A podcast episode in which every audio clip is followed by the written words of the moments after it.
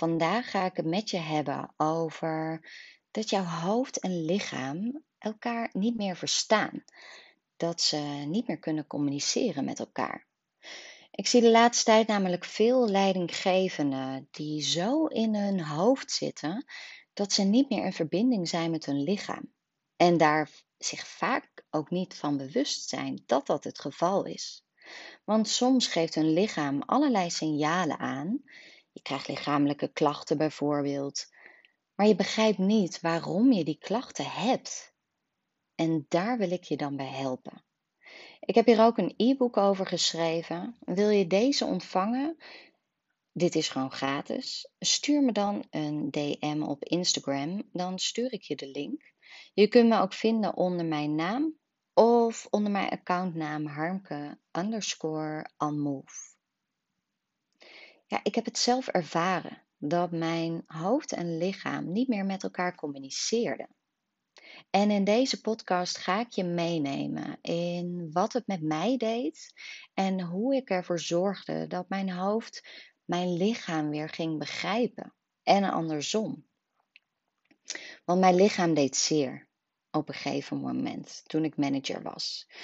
En ik zal een voorbeeld noemen. Ik weet nog een heel specifiek moment van een aantal jaar geleden. Toen ik als marketingmanager lekker een weekje vakantie had genomen.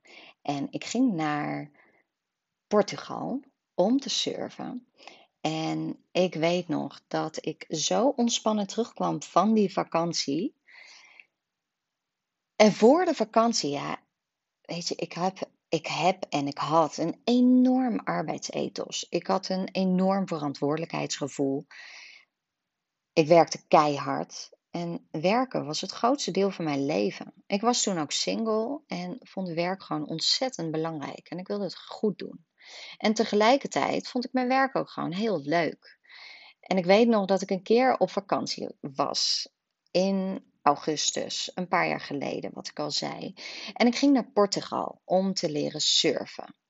Nou, dat was een geweldige vakantie. Het was een week lang, elke dag de zee in, de zon, heerlijke temperaturen. Het was echt zo genieten. En als je er bekend mee bent, er heerste ook echt zo'n relaxed surfsfeertje. De vrijdagavond bijvoorbeeld de live muziek, alle surfers bij elkaar aan het dansen op de heerlijke muziek. En iedereen was ontzettend ontspannen. De ondergaande zon. Iedereen was ook zongebruind van elke dag in de zon en in de zee. Ja, het was echt fantastisch. Ik was zo enorm ontspannen. En ik merkte die week ook dat ik zo in mijn element was dat ik met verschillende mensen goede gesprekken voerde. En dan niet gewoon de gesprekken over het weer of over meer, nou, ik noem het even oppervlakkige dingen waar ik geen oordeel over heb. Maar ik kwam in gesprekken terecht dat mensen um, dingen met me deelden. Dus bijvoorbeeld iemand die vertelde dat hij zijn vader was verloren en hoe dat toen voor hem was. En ik vond dat zo bijzonder dat hij dat nou ja, zomaar met mij deelde, weet ik nog. En dat zorgde er ook voor dat ik me meer ging openstellen. Dus ik sprak ook iemand en die daar had ik een heel mooi gesprek mee over de dingen in het leven. Over wat, wat zijn nou de belangrijke dingen in het leven voor jou? En die gesprekken, ja, het paste echt bij de ontspannen sfeer. En bij dat, het feit dat ik zo lekker in mijn vel zat, me open kon stellen, mooie diepgaande gesprekken voerde. Elke dag in de zon, in de zee en ik voelde me zo fijn. Tot het moment dat ik weer naar huis ging en dat ik er thuis was. Ik kwam in het weekend weer thuis en ik moest die maandag daarna moest ik weer starten met werken.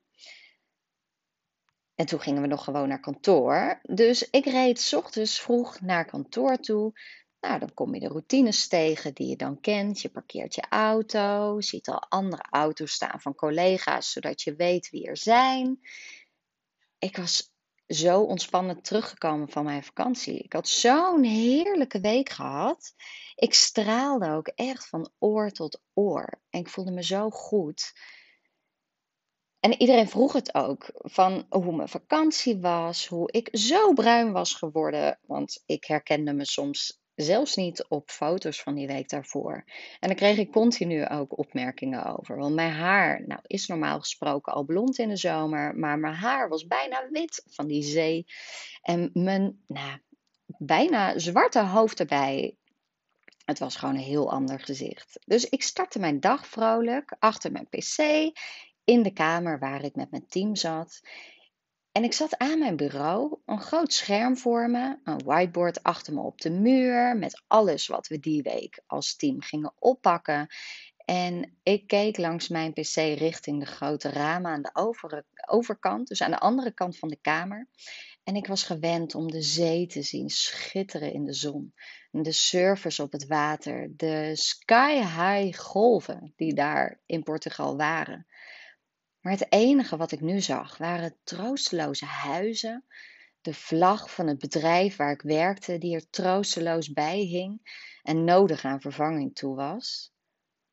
Nou, ondertussen had ik een mok met slappe thee in mijn hand, dat nergens naar smaakte. En elke keer als ik weer een slok wilde nemen, wat weer koud leek te zijn. En zo kwam ik de eerste dag door. Ik weet nog dat ik mezelf eraan herinnerde dat ik dat ontspannen gevoel van vakantie zo lang mogelijk vast wilde houden. Maar gedurende de dag ging mijn lijf me steeds meer in de weg zitten. Mijn schouders deden zeer en ik rolde ze zo af en toe naar achter en weer terug om ze wat losser te krijgen. En het trok gedurende de dag al enigszins door naar mijn nek. En op een gegeven moment deed het zo'n zeer dat mijn ontspannen gevoel en mijn vrolijke, stralende blik ook langzaamaan minder werd. Ja, aan het eind van de dag zat ik met een stijve nek en zaten mijn schouders helemaal vast.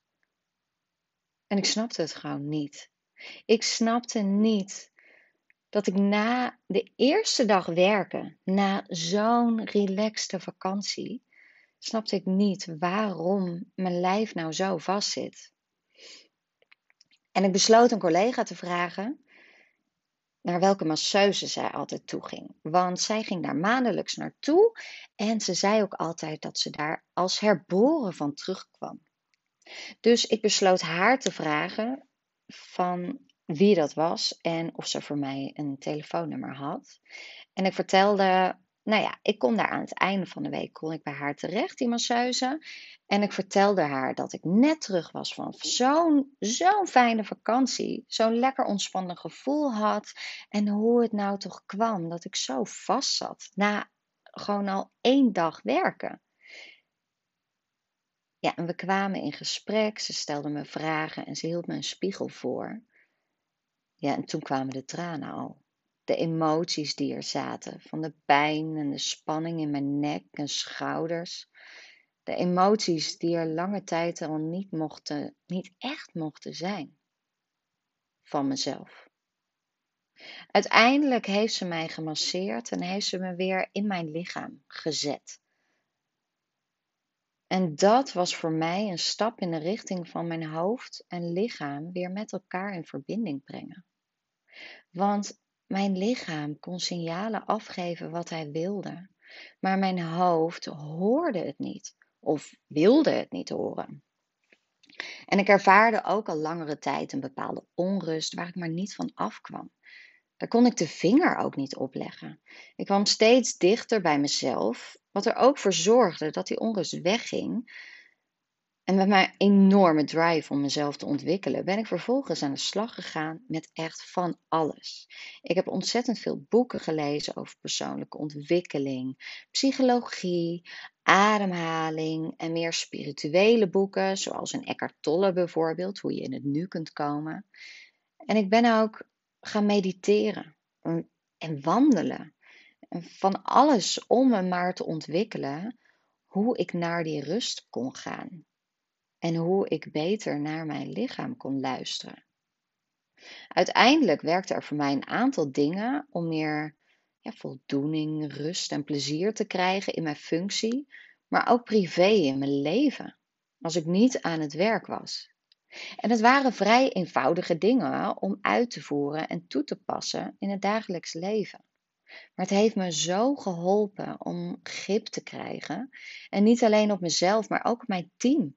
En om plezier te halen uit mijn werk. En dat, nou ja, de afgelopen weken heb ik dat ook vaker gehoord van leidinggevenden. en ook van de ondernemers die ik coach, dat ze niet uit hun hoofd kunnen komen. En dat ze dat zo graag willen. En soms zelfs een tikkeltje jaloers zijn op de mensen die dat zo goed lijken te kunnen. Die in het moment leven, zoals ze dat dan zo mooi zeggen. En dat heeft er ook voor gezorgd dat ik besloten heb om een online training te maken. Met de belangrijkste lessen die voor mij echt hebben gewerkt. En die ik met jou ook wil delen. En de eerste, waar ik je alle nou, al uitgebreid in meeneem in de training zelf, hoe je dat stap voor stap optimaal kunt inzetten, is wandelen. Want dat was life-changing voor mij. Gewoon in beweging zijn. En dan niet sporten en veel van mezelf eisen, want dat deed ik normaliter. Nou ja, 40, 50, 60 uur in de week werken. En dan moest ik van mezelf ook 4 à 5 keer in de week sporten. En dat hoefde niet. Nee, gewoon simpelweg wandelen. Fysiek in beweging zijn. En dat deed ik zoveel als ik kon. Dus in plaats van achter de laptop kruipen om s'avonds nog wat dingen af te maken, ging ik naar buiten. Zonder doel en gewoon maar lopen en om me heen kijken. En dat zorgde ervoor dat ik uit mijn hoofd kwam na een werkdag. Want wat ik normaliter deed na een werkdag, nou, dan had ik een vol hoofd, allerlei dingen die ik nog moest doen, waarvan ik me regelmatig voornam om het dan s'avonds nog even te doen. Ik was dan al moe van de intense lange dag, maar moest van mezelf wel nog even sporten, want dat hield me fit en sterk. Wat absoluut natuurlijk waar was en waardoor ik fysiek ook echt sterk was, daarom snapte ik die lichamelijke klachten ook nooit, want ik was toch super gezond. Maar in plaats van even niks doen na een lange werkdag, vol prikkels, ging ik intensief sporten. Ik ging bijvoorbeeld om half negen s'avonds hardlopen met een groep fanatieke snelle lopers, wat ver boven mijn niveau lag. En het gevolg was dan dat ik s'avonds niet kon slapen. Ik stuiterde nog van de energie en ik werd de volgende dag standaard met hoofdpijn wakker. Dat was gewoon vaste prik. Dus op een gegeven moment leerde ik naar mijn lichaam luisteren. Dus als ik bijvoorbeeld wilde hardlopen, maar ik voelde dat ik heel moe was, dan ging ik wel een stukje en dan luisterde ik gewoon naar mijn lijf. Dus als ik na 10 minuten echt niet meer kon en die moeheid echt toesloeg, dan ging ik terug en dan moest ik niet verder van mezelf. En dat minder moeten is ook echt life-changing geweest voor mij. Want ik moest zoveel van mezelf op allerlei vlakken. Ja, en het wandelen, probeer het zelf maar eens aan het einde van een werkdag. En juist als je hoofd vol zit, als je denkt, ik moet nog zoveel dingen doen, kijk eens wat dat jou brengt. En in het begin zul je ook merken dat de gedachten er nog volop zijn. Maar dat wordt gedurende de wandeling steeds minder. In het begin zie je bijvoorbeeld alleen het stukje net voor je. Kijkt max een meter voor je uit. En het is zo grappig hoe dat werkt. Want als je na 10 minuten, of soms duurt het een half uur, ineens om je heen kijkt, dan kun je ineens andere dingen om je heen opmerken. Zoals dat het zonnetje schijnt of wat een mooie luchten er zijn, zo aan het einde van de dag. En dan open je eigenlijk als het ware ineens je ogen en lach je om jezelf dat je al zo'n tijd aan het wandelen bent en dat nog niet eens gezien had. Ja, en wandelen zorgde en zorgt er, zorgt er bij mij nog steeds voor dat ik uit mijn hoofd ga. En ik vertelde van de week ook in, um, in een sessie die ik verzorgde, vertelde ik ook dat, ja, dat wandelen vond ik altijd suf. Want ik moest sporten en wandelen, dat duurde lang en dan had je geen doel en daar ging je niet van zweten. Dus ik zag dat gewoon maar als een suffe sport. Ik had daar echt een oordeel over. Maar zie wat het me nu brengt. En ik hoop dat dat je ook, ja, jou ook veel kan brengen. Dus probeer het eens. Gun het jezelf en doe dat eens. En ik